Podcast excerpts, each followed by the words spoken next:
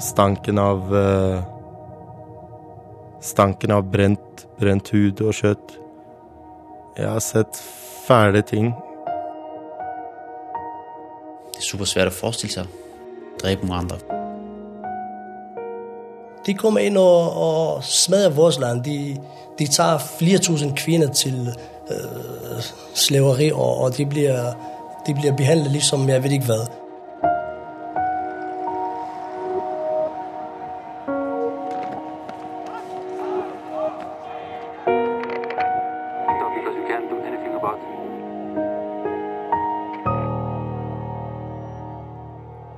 Konfliktene i Syria og Irak er kaotiske og blodige. I denne episoden av Fremmedkrigerne fra Skandinavia skal det handle om kurdere som kjemper for å bevare sitt område med selvstyre nord i Irak. De opplever trusler fra flere hold, men ikke minst fra den islamske staten. Vi skal møte to danske familiefedre som bruker feriene sine i kurdisk tjeneste. Men først tar programskaper Anders Sømme Hammer oss med for å treffe norsk-kurdiske Hosheng Kerkuki, som i ett år har kjempet aktivt som soldat ved fronten mot IS, langt fra drabantbylivet i Oslo.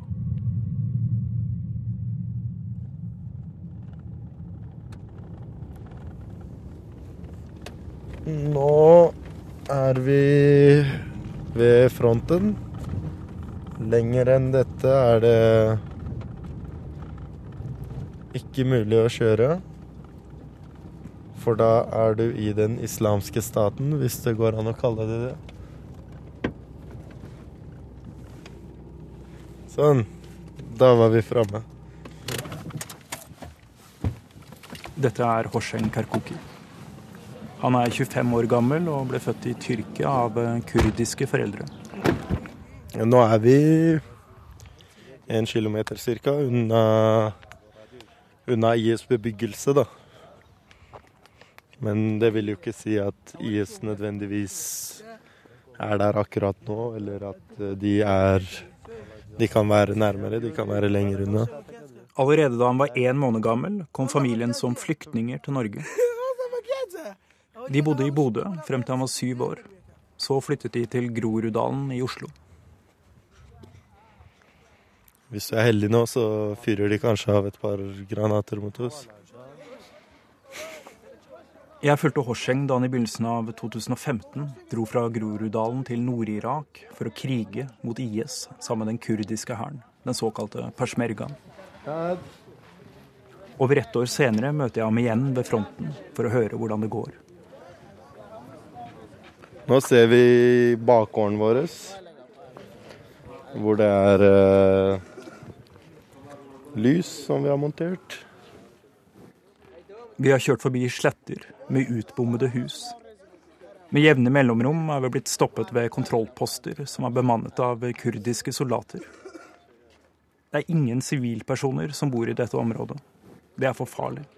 Og uh, alle vinduene er jo sprengt siden det var en uh, flyangrep her, da.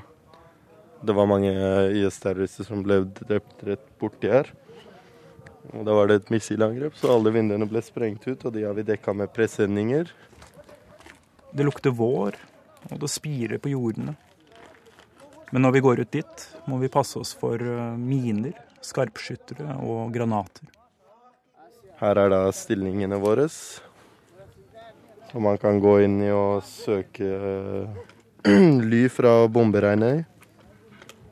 Horseng og medsoldatene har slått leir i en landsby som tidligere ble okkupert av IS.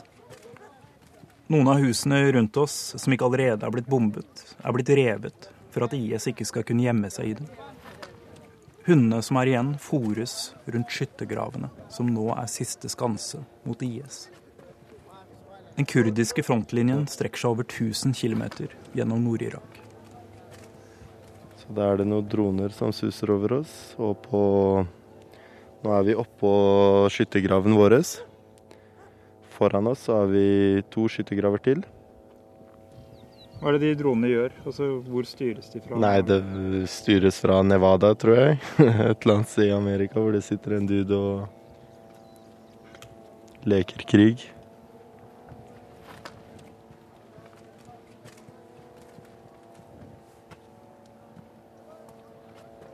Eh, jeg sover ikke om natten når jeg er her. Eh, jeg har alltid en ekstra kule eller to eller tre i, i lomma. Jeg har alltid to håndgranater på meg. Uh, ja. Så i verste fall, så hvis jeg ender opp uten å ha noe ammunisjon, så kan jeg skyte meg selv med de kulene jeg har i lomma. Hvis våpenet ikke skulle fungere, så kan jeg sprenge meg selv med en granat. Og forhåpentligvis ta med ta med et par av dem.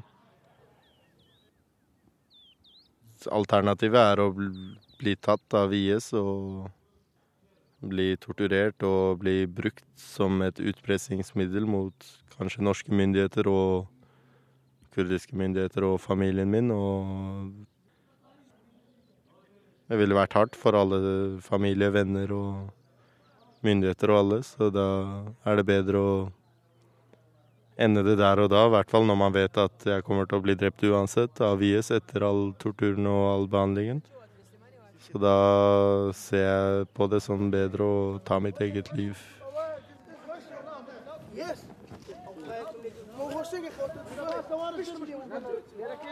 Livet her ved fronten er veldig hardt. Det er preget av dårlig mat, lite søvn. På vinteren er det kalde, lange netter. Og på sommeren er det lange, varme dager med netter fulle av mygg. Veldig dårlig mat, veldig lite næring i maten etter at persmergaen med hjelp fra vestlige luftangrep jaget IS ut av landsbyen. Oppdaget Horseng at det var blitt laget mange bomber i et av husene. Eh, nå er vi i en av bombefabrikkene til IS. Her hadde vi da masse prosjektiler som var lagra, som ligger spredt rundt nå. Eh, disse bombefabrikkene er provisoriske. Det er eh, sivile hus som blir brukt. Vi stopper ved et delvis ødelagt leirhus. En svidd, bulkete tønne er veltet utenfor. Aske er spredd på bakken. Horseng tråkker rundt blant vrengt bølgeblikk, leirklumper og steiner. Er det nødvendig å krype inn i all dritten her? Det er ikke nødvendig, men det er trygt. Jeg har vært der ti ganger før. Han løfter opp en artillerigranat mens han forsikrer meg om at det ikke er farlig. Han peker på en øse som har blitt brukt til å blande sprengstoff. Så forklarer han hvordan ulike bomber blir laget. Det er forskjellige måter å lage dem på, men eh, noen av de mest populære metodene er da å bruke eh, kunstgjødsel og eh, på en eller annen måte, kjemisk måte, lage sprengstoff ut av det. Og så finnes det også mange andre typer. Altså det, jeg har sett en eh, kasse med landminer. Altså tradisjonelle russiske landminer. Eh, funnet eh, noen hus lenger borte her. De lager trykkplater på Kobler det til eksplosivet, sånn at du tråkker på det, og den trykkplaten utløser minen. Det finnes med ledninger. Det finnes montert på biler, selvmordsbiler. Og det er kun fantasien som setter begrensning for uh, hvordan man kan lage, lage bomber. Så det er sinnssykt mye miner som er planta rundt omkring. Det er uh, vanskelig å oppfatte hvor mye det er. Det er sinnssykt mange. Det er overalt. Uh, de fleste tapene vi har, er på grunn av miner. Og ikke pga. direkte skudd eller kamphandlinger. I kamp mot IS tok en av Horsengs kamerater et drastisk valg. Ja, nei, det var angrep da, mot IS. Vi skulle ta over landsby. Eh, tråkket på en mine. Han var jeg faktisk på eh, post med hele uka. Eh, tråkka på mine. Mista beina. Han kunne fortsatt reddes, men han ville ikke Han ville ikke at vi skulle risikert livet, eller noen andre skulle risikere livet for å hjelpe han. Så han tok en håndgranat til brystet og sprengte seg selv. Og det så du? Det så jeg, men han hadde nok bestemt seg på forhånd. På at han, hvis noe sånt skulle skje, at da ville han heller dø. Akkurat sånn som jeg har bestemt meg for å ta mitt eget liv. Hvis Istedenfor å havne i IS sine hender, så hadde vel han tatt et valg om at hvis han skulle ende opp som en krøpling, så ville han heller dø.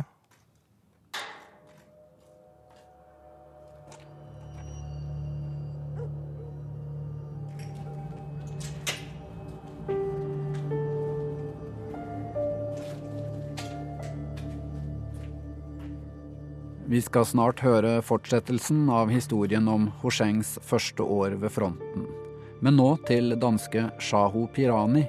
Han er en familiefar som har valgt å bruke feriene til å bidra i den kurdiske hæren.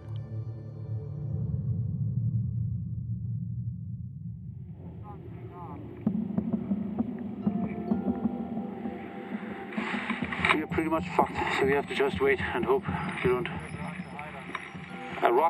Hjemme i Køge på Sjælland i Danmark sitter 32 år gamle Shaho Pirani og ser på egne opptak fra konfliktområdene. Han gjør det en del danskkurdere snakker om, men få klarer å gjennomføre. Han reiser ned og bidrar på kurdisk side. Shaho er soldat i ferieukene sine.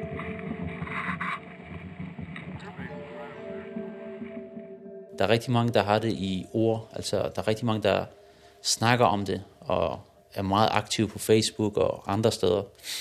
Men der er rigtig få, der har kunne tage det der skridt og gå ned og være aktiv dernede, fordi det hænger på ingen måde sammen med det liv, man har her i Danmark. Shahu har nettopp startet en liten butikk som reparerer PC-er og mobiltelefoner. På veggen henger bilder av barna på fem og åtte år. Han synes det er vanskelig å forlate familie og barn for å kjempe på kurdisk side. Øh, det er der, der er riktig mange andre, der, der har svært ved å ta det siste skritt. Og det forstår jeg fullt ut, fordi det er riktig, riktig svært å forlate familie og børn. Det virker litt sykt å fortelle barna at det ikke blir ferietur i år heller. Pappa skal på frihetskamp. Og si, i år tar vi ikke på ferie, fordi far han skal lave frihetskamp. Det, det lyder litt skørt, ikke? Det er i hvert fall svært å forklare børnene det. På opptakene er Shaho soldat med maskingevær i en kvelende hete, på jakt etter skygge. Kanskje er det 50 grader varmt. There's. Shaho Pirani kom til Danmark som flyktning som tiåring. Hele oppveksten har han hørt fortellinger om hvorfor familien flyktet. Fra krig, fengsel og tortur. Altså, det er grusomme historier om, at de har kommet, det iranske militær, og ligesom i Syrien, smidt folk ud af byen og bombet dem og smadret alle bygninger i stykker. Så alle dem, der har haft den mindste tilknytning til frihedskamp og oprør, de har bare flygtet i frygt for at uh, blive hængt og fængslet og tortureret, ikke også? Faren til Shao var politisk aktiv i kampen mot prestestyret i Iran. Og i min familie var en af dem, fordi min far har været aktiv siden han var 16-17 år øh, i politik imod, han har lavet opstand imod det iranske præstestyre. Hele livet har Shao blitt minnet på at hans egentlige folk kjemper en kamp i områdene der han selv ble født.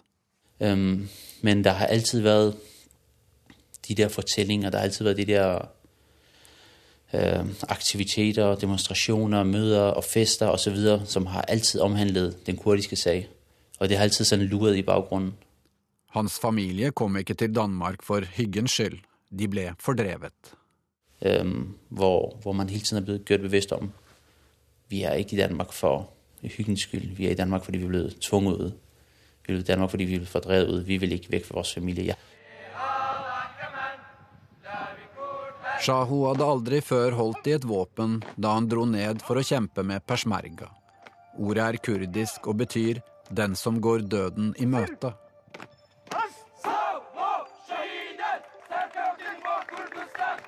Persmerga-hæren samarbeider med det danske militæret i kampen mot IS. Vi fikk jo den utdannelse som helt nytilkommende peshmerga de får. Vi hadde bare liksom den der light version. Det var ikke så hardcore som de hadde den, fordi at de tok litt hensyn til vi var fra Europa. Shahu og andre tilreisende soldater fra Europa fikk en slags light-versjon av den militære opptreningen. Men for Shao var det spennende og fjernet opplevelsen av avmakt. Han følte at han kunne være med og gjøre en liten forskjell. Så det var vildt detaljert og sinnssykt spennende. Um, og så fikk vi lov til å bruke de her våpen og så bare skyde på skydebaner med dem. Og det var, det var rigtig interessant faktisk, fordi at det var, jeg tror det var egentlig første gang i mitt liv, jeg følte sådan en uh, følelse av at rigtig meget afmagt var blevet fjernet. Jeg følte meg rigtig, rigtig, uh, jeg vet ikke, hvad det hedder på dansk, jeg tror, vi kalder det empowered på engelsk. Altså jeg fikk sådan en følelse av at uh, jeg kunne gøre noget, ikke også? Jeg følte, at jeg kunne gøre en forskel, hvis det ble nødvendigt. Faren støttet Shao i valget om å dra ned for å bidra, mens andre lo litt. De forsto ikke helt hva en fredelig student hadde å gjøre i en blodig konflikt. Min far han var jo meget, han bakket meg mye opp, fordi at han var selv klar til det. Han er jo en gammel, gavet peshmerga. Han kan jo gjøre rigtig mye nytte dernede, selv om han er tett på å være 60, ikke? Han har jo mye erfaring. Men uh, alle andre, de sagde, hvad, hvad mener du? Altså, det, de, du kan slet ikke forstå. Det er fordi, de kender meg jo som den her fredelige og stille gutt der leser på universitetet. Jeg har jo masse tykke bøker. I bokhyllene står det tjukke bøker om økonomi, politikk og kulturforskjeller. Han har studert statsvitenskap ved universitetet i Roskilde. Det er det jeg beskæftiget meg med, å lese alle de der tykke universitetsbøger om øh, økonomi og politikk og, og så videre, ikke også? Om kulturforskjell. De kan slet ikke forestille seg meg, den fredelige Shahu, gå ned og bekjempe de der monstre dernede som render rundt og halshugger folks øh, lemmer. ikke også? Øh, det, det, de syntes det var helt vildt. Altså, de syntes det var skørt. De trodde at jeg, jeg joket med det i starten. Mange trodde han bare tullet, men han begynte å forberede seg og sparte penger til flybilletten. Han kjente et sterkt kall når han hørte om de store militære fremgangene til IS. Hvis hovedstaden i den kurdiske regionen skulle falle, ville de være ferdige, tenkte Shao. Men øh, så begynte jeg å legge penger til side til en billett, en flybillett, og jeg begynte å gøre aktivt med å si abonnement og så videre, fordi jeg trodde inderlig at jeg skulle nå, nå, nå kaller de på meg, nå er det i morgen, nå er det i overmorgen. Fordi det var så vildt, at, at de hadde så mye fremskritt uh, ISIS, at man tenkte, ok, nå er de snart i hovedstaden af bil, og hvis den faller, så er vi ferdige. også? Where? Is it the red one? So we are spreading out right. I et av hans egne opptak oppdager de tyrkiske jagerfly på himmelen. Hvis bombene faller, har de lite å stille opp med. Shaho kjempet først mot IS, men sist gang var motstanderen Iran, som også har grense mot den kurdiske regionen. I think they're flying away, right? Jagerflyene passerer, men kanskje snur de og kommer tilbake. Shaho tror at flyene er på utkikk etter PKK, tyrkiske kurdiske opprørere. Så langt har Shaho sluppet helt unna aktiv nærkamp, og han synes det er vanskelig å skulle tenke seg å skyte på noen. Eh, det er supersvært å forestille seg eh, hvordan det vil være å, å skyde på noen andre og drepe noen andre, fordi inntil videre er jeg kun skutt efter stillestående mål, som, er, som ikke er levende. Ikke? Men det kan bli nødvendig å skyte for å overleve, tenker Shao. For at hans folk skal overleve. Jeg håper faktisk ikke jeg kommer til det, hvis jeg skal være ærlig. Men jeg føler at det er en nødvendighet for at jeg kan overleve. For mitt folk kan overleve.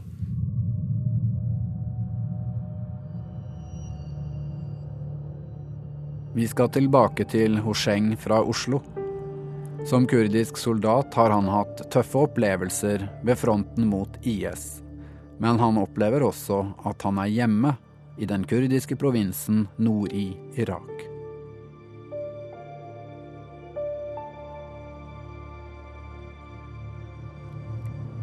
Nå er vi i Kerkuk, eh, hjembyen til mine foreldre.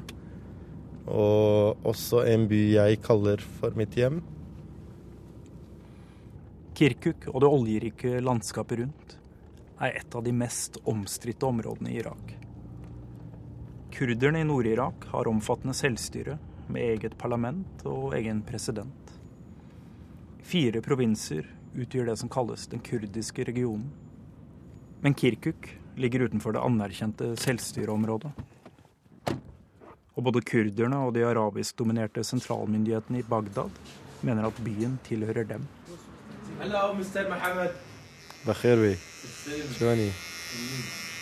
Nå er vi frisørsjappa til fetteren min. Kurdere er tidligere blitt tvunget på flukt fra Kirkuk. Men nå er det hæren som Horseng kjemper med, som kontrollerer byen. En bølge av attentater og andre angrep har ført til at mange er redde for å reise til Kirkuk. Men Horseng slapper av her. Jeg skal ha det skinna på siden og kort på toppen. Det er mye mer hygienisk når man er ute i feltet og ikke har muligheten til å vaske seg hver dag. Og så liker jeg ikke å fikse håret, da, så ser bare dumt ut hvis jeg har langt hår.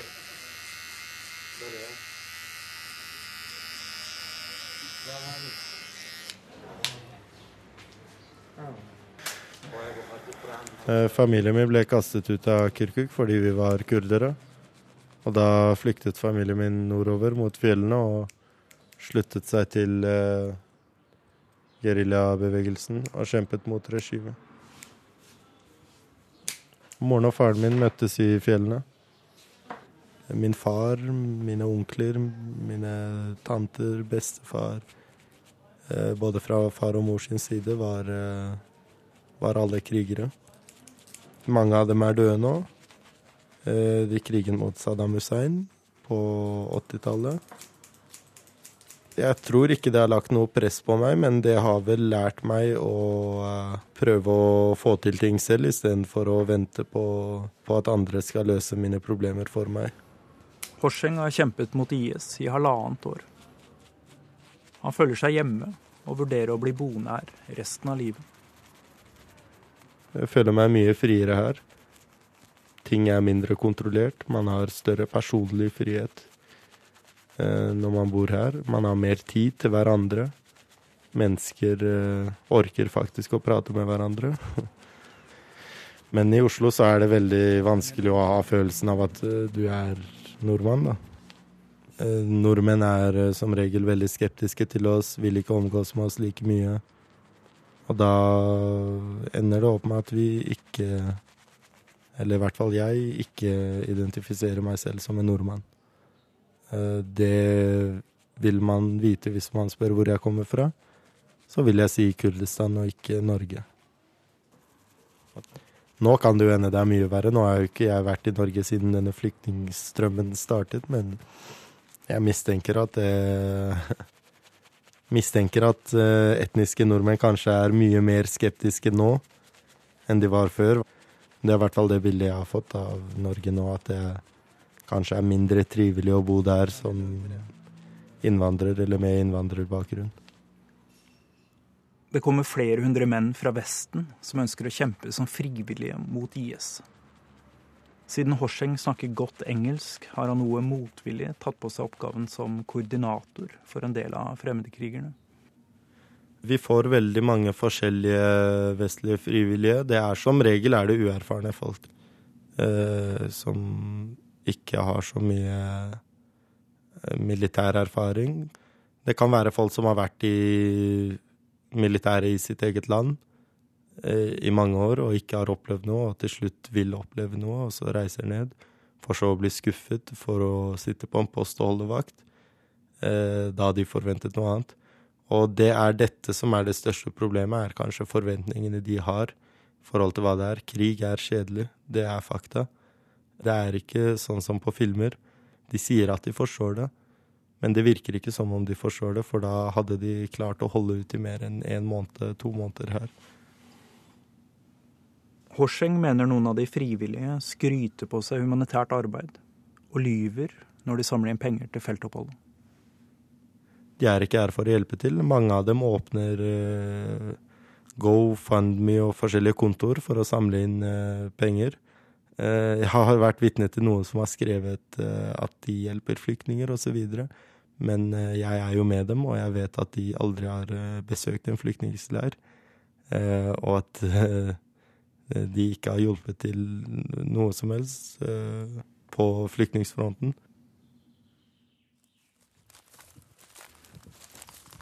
Vi går langs frontlinjen utenfor Kirkuk. Foran oss er det gravd en kanal som er fylt med vann. Slik skal det forhindres at IS-krigerne kommer kjørende i full fart, i selvmordsbiler eller andre pansrede kjøretøy med påmonterte maskingevær. Horseng forteller at ikke alle som kommer fra Vesten for å kjempe sammen med persmerga, har fått med seg at det store flertallet av kurdere er muslimer. Mange vestlige jeg møter som kanskje er litt på høyrekanten, kommer og snakker om eh, hvor dårlig islam er, og hvor eh, mye de hater arabere til meg, og forventer at jeg skal være på samme nivå som dem. Og kommer til peshmergaen og besøker oss og tror at, tror at det er holdningen vi har her. Og det er jo helt feil, for vi har flere arabiske arabere blant, eh, blant hvert fall i vår bataljon, så har vi en del arabere. Og vi er gode venner med dem, og vi spøker og har det gøy sammen og eh, ønsker på ingen måte dem eller dems familier eller dems folkeslag noe vondt. Så det syns jeg er veldig, veldig Veldig rart at eh, mange i Vesten har et veldig annet syn på det. Folk er som regel mye mer fremmedfiendtlige i Vesten.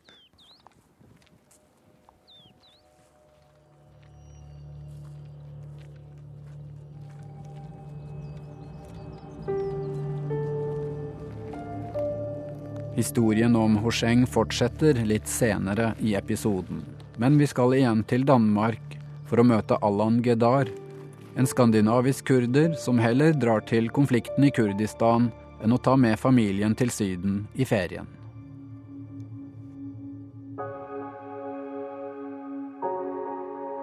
De kommer inn og, og smadrer vårt land. De, de tar flere tusen kvinner til øh, slaveri, og, og de blir de blir behandlet liksom jeg vet ikke hva.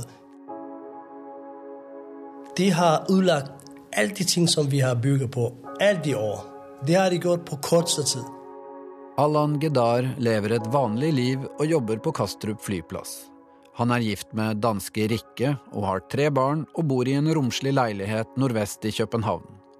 Men i feriene har han reist til Irak for å kjempe på kurdisk side mot terrororganisasjonen IS.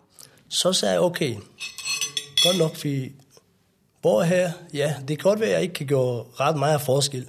Men det er viktig at vi skal sende en signal både til dem, også til den vestlige verden, at altså, vi er parat. Vi vil gerne beskytte det vi har bygget. Allan har den kurdiske kampen for selvstyre i blodet. Han mistet faren sin i krigen mot Saddam Husseins regime da han var en liten gutt. Faren var general i den kurdiske persmerga-hæren og ble henrettet. Jeg var knapt seks år. Jeg var faktisk ja, nesten seks år gammel da de tok min far. Men vi fikk beskjed bare for regjeringen, for Saddams øh, folk, at I skal ikke øh, vente på noe. I skal ikke uh, skal bare vite en ting, at faren er blitt henrettet, og det er det hele. Moren ble enke med ni barn. Og det var jo en stor slag for familien. Vi var jo den gang en familie på ni barn med min mor og min mormor. Første gang Allan vervet seg for å kjempe på kurdisk side, var han bare en ungdom. Han var forberedt på å ende opp som faren, at han en dag bare kunne forsvinne. Og jeg startet tilsluttet meg de peshmerga-stykkene i 1982. Jeg var kun 14 år. Jeg var ganske ung. Og jeg var klar over at uh, den vei det ender med at uh, jeg blir liksom min far.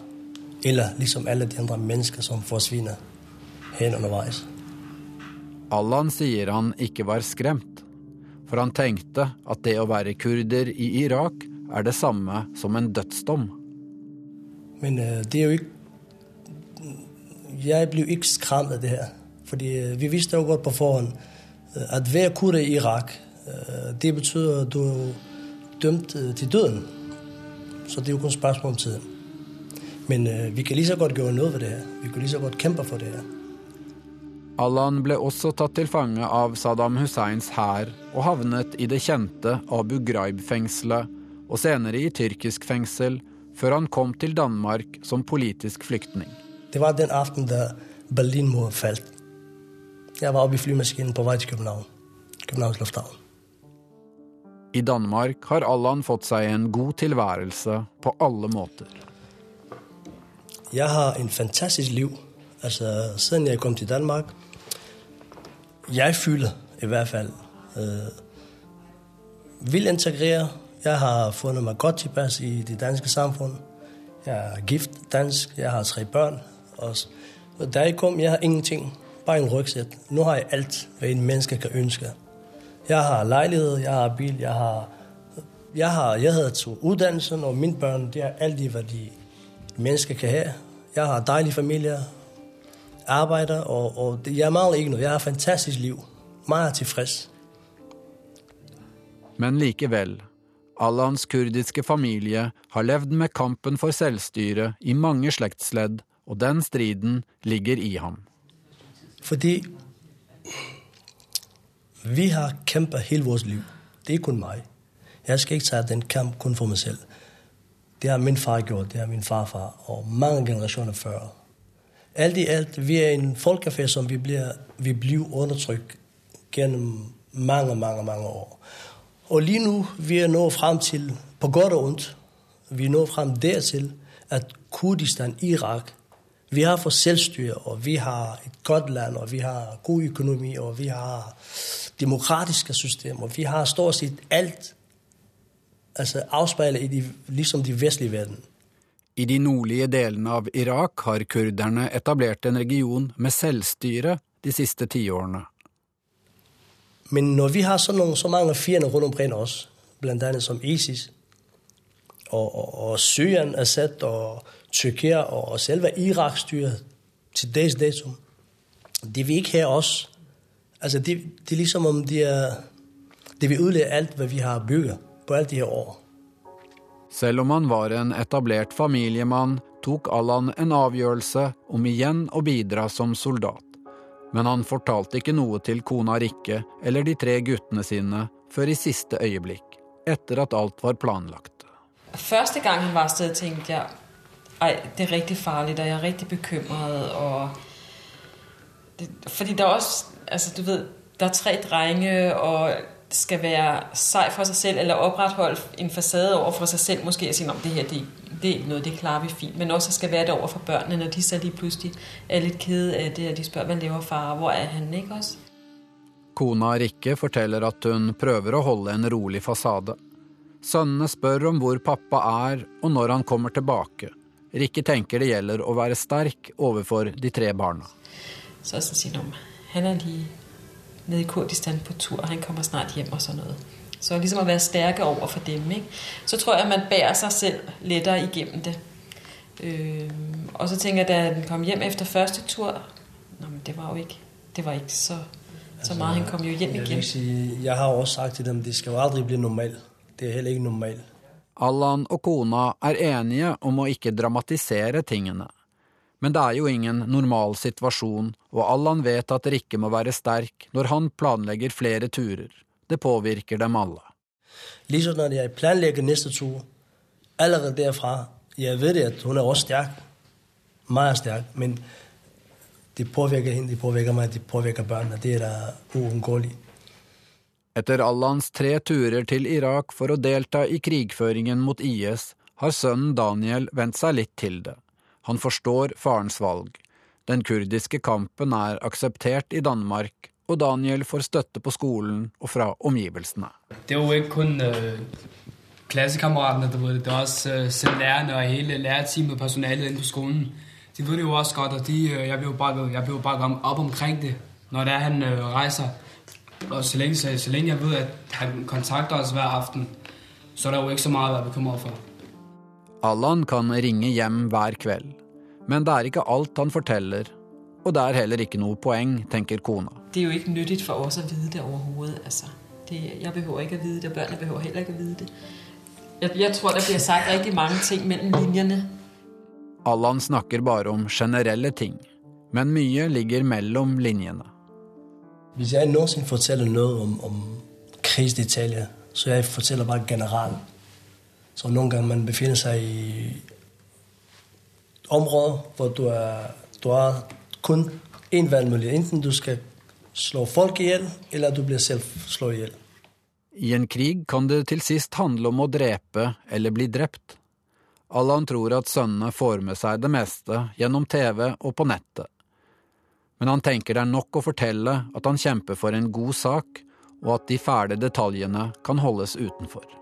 Men jeg tror børnene er voksne nok, og man ser så mye i det, både i TV og internett og alt mulig annet. De, de vet hva det foregår. Så jeg bør ikke fortelle meg mer enn det. Men jeg fortæller, at vi, kæmper, vi kæmper for en, en god sag. Og når man kæmper for en god sag, så skal man ikke komme med noen grimme detaljer.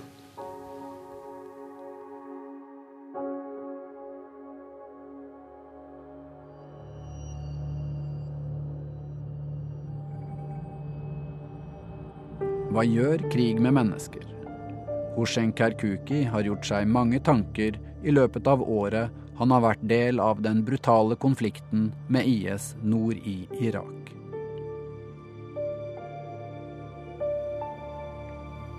Jeg har sett fæle ting.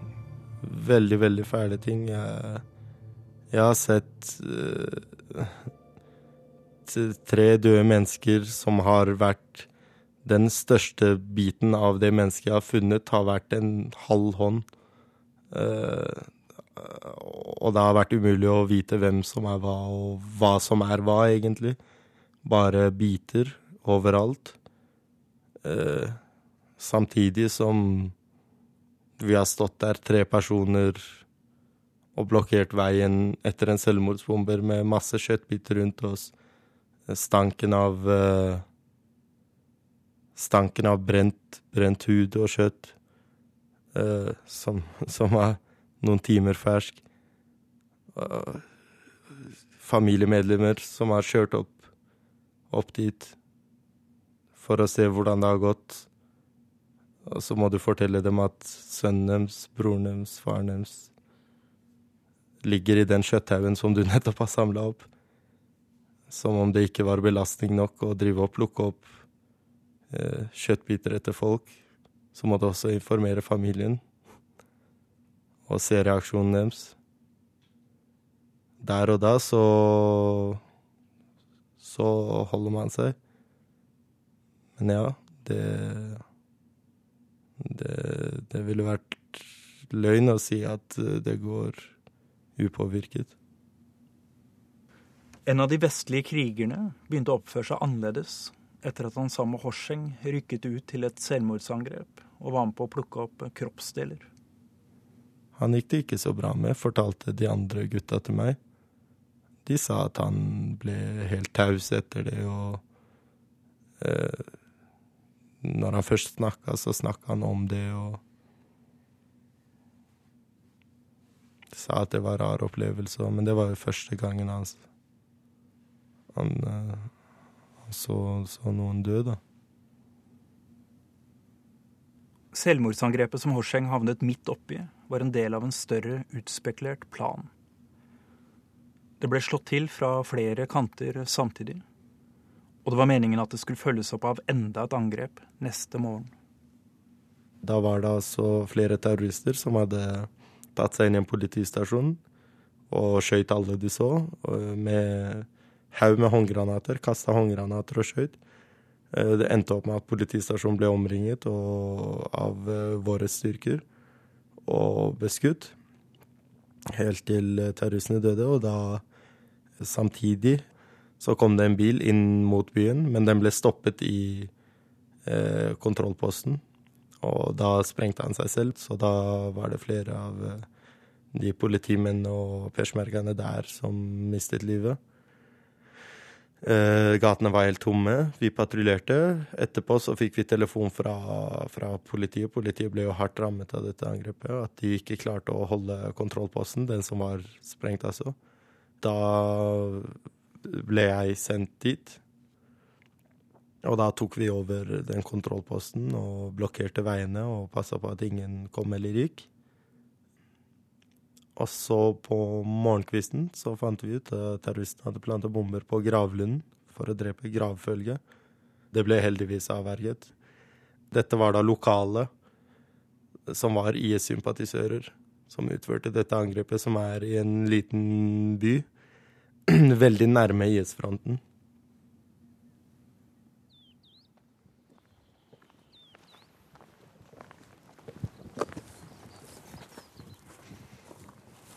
Tror det jeg har opplevd, kommer til å gjøre meg sterkere.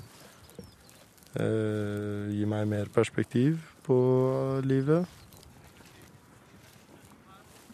Det slår meg at Horseng fremstår som roligere etter den lange perioden i felt.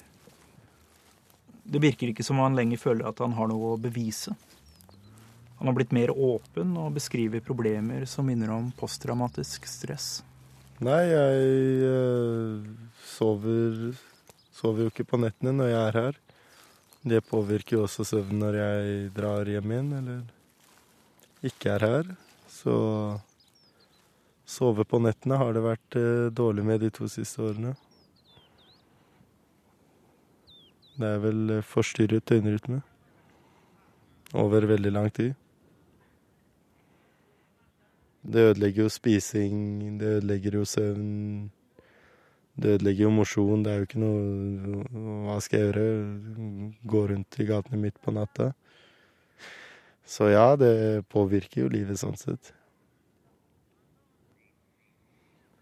Det er først når Horseng er på besøk i Norge at han begynner å gruble. Nei, når jeg er her, så er jeg jo nærme alt, og det virker ikke så fjernt, og alt er greit. Men hvis jeg reiser, eller når jeg har vært i Norge, så har det vært et veldig Får du en annen, eh, annen synsvinkel da, på ting, og du tenker at uh, For eksempel, du kan se tilbake på en hendelse og tenke faen, det var helt sykt. Det var Det er ikke vanlig. Det Sånt skal man ikke se. Det er ikke noe som skal skje. Det burde ikke skje. Uh, men når du er her, så er det veldig Det er mye lettere. Det virker ikke så fjernt fordi det alle rundt deg, eller mange rundt deg, har gått gjennom det samme eller sett det samme, sett verre. Eh, det er alltid forståelse for det rundt deg, men eh, det kan være vanskeligere i Norge. Skal vi gå litt tilbake? Ja. Vi har stått så lenge ved skyttergraven at Horseng mener vi må gå litt tilbake mot leiren for å unngå å framprovosere et angrep. Pass på piggtråden, da. Det er da han sier at nordmenn lever så langt unna krigen at de ikke forstår hva det går ut på. Det er et helt annet samfunn. Du eh, ser helt andre ting. Det er Folk oppfører seg som om de er i drømmeland. Eh, folk lever på skyer. Folk eh, snakker om overfladiske ting og tenker på overfladiske ting hele tida. Og da blir det så veldig, veldig fjernt å tenke på virkeligheten igjen, da. Så det er på en måte en boble Norge lever i, da.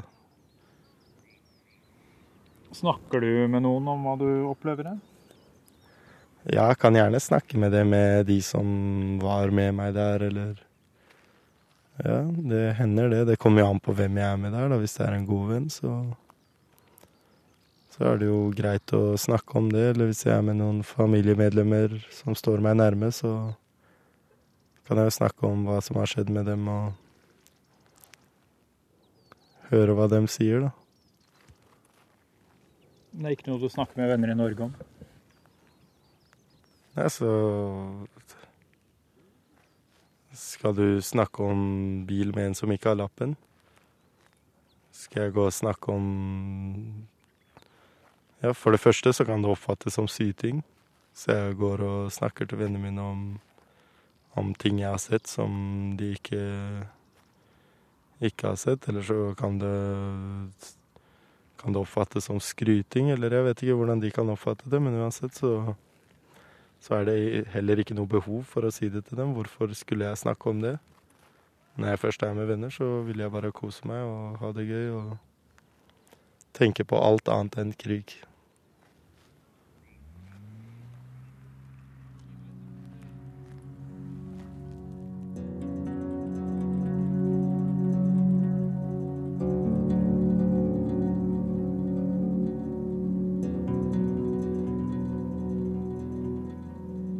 Dokumentaren om Hoseng Kerkoki var laget av Anders Sømmehammer. Klaus Wittus fra Danmarks Radio hadde møtt Shaho Pirani og Alhan Gedar. Lyddesign for episoden var ved Nils Jakob Langvik og Merete Antonsen. Dette var siste del av serien 'Fremmedkrigerne fra Skandinavia'. En samproduksjon mellom Sveriges Radio, Danmarks Radio og NRK. En takk til Nordvisjonsfondet for støtte. Serien er satt sammen og produsert av Kjetil Saugestad.